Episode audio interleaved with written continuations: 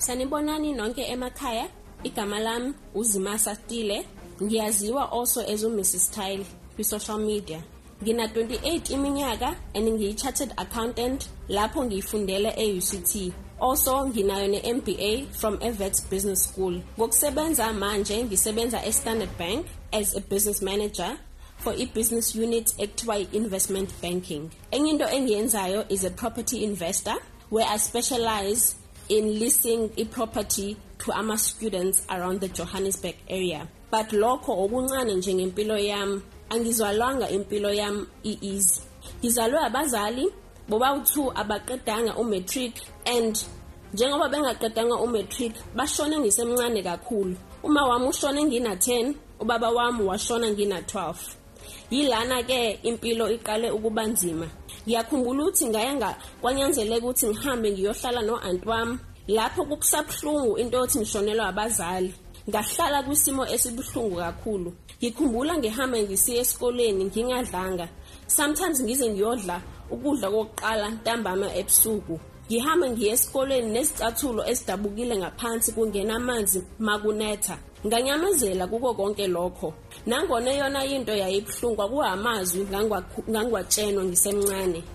Ngikhumbula engitshena ukuthi ngicabanga ukuthi ngizoba yini mina ngolunye usuku ngoba uma wami nobaba wami bashone bangalutho.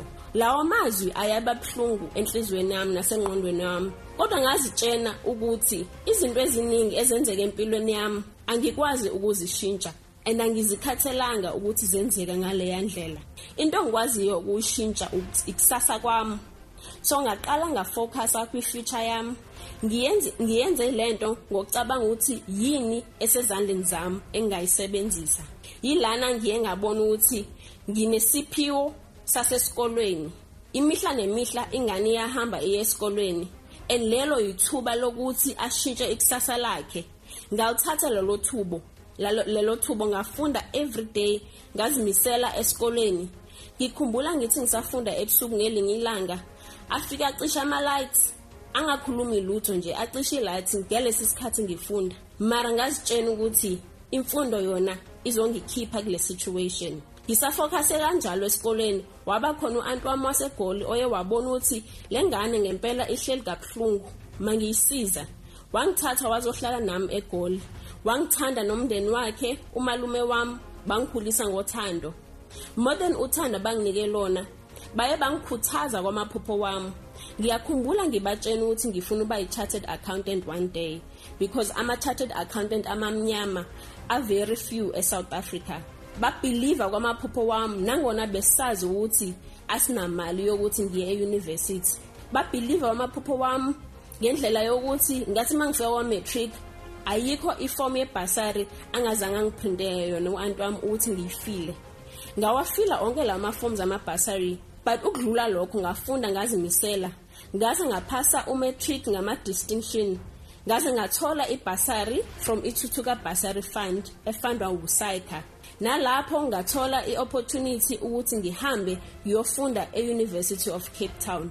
Mina ngangivela ngizifunela i-university of cape town because it was the number one university in africa. And ngazitshena ukuthi even umuntu ovela kwi-background yami uyadeserva ukuba at a top university in africa. Mangifike ecape town ngafika ngafunda ngozimisela ngaqhubeka ngaphasa kahle ngagraduata ngagraduata ngedegree yami okokuqala and then ngathola i-honors degree.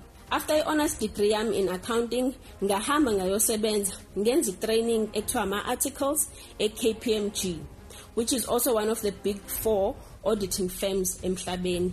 Yilana-ke ngiye ngaqualifya ngayi-chartered accountant. At the age of 24 after qualifying ngiye ngaqala ukuthenga i-property. One of the houses that i bought was for ifamily yami ngathengela u-anti no-uncle wami ikhaya. Because i knew lento ibalekile kimi before ngiqale ngenze ezomabhizinisi.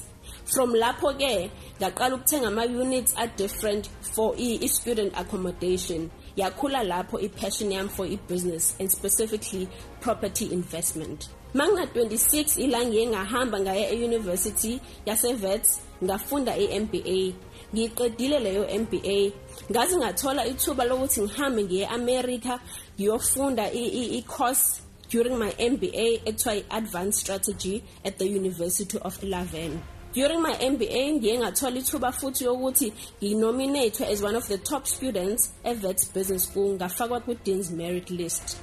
Namhlanje ngiyaqhubeka nepassion lam lokumentorisha abantu abayang abantu abayang ngipassionate ngabo because I was once in their position. However I did not have a mentor but I do know a mentor will make a big difference. Ngipassionate also ngezokufundisa kwezezimali which is why ngine-channel eku-youtube ekuthiwa umrs stile where i discuss izinto zezimali i-financial literacy. I believe that sonke sinethuba lokushintsha iy'mpilo zethu masenza lokhu okuncane ekusezandleni zethu. Buka ukuthi yini ongayishintsha buka ukuthi yini ongayisebenzisa. Ungafocus kakhulu into yokuthi impilo yakho iye yaba wrong kuphi. Qala namhlanje ikusasa lakho kusezandleni zakho.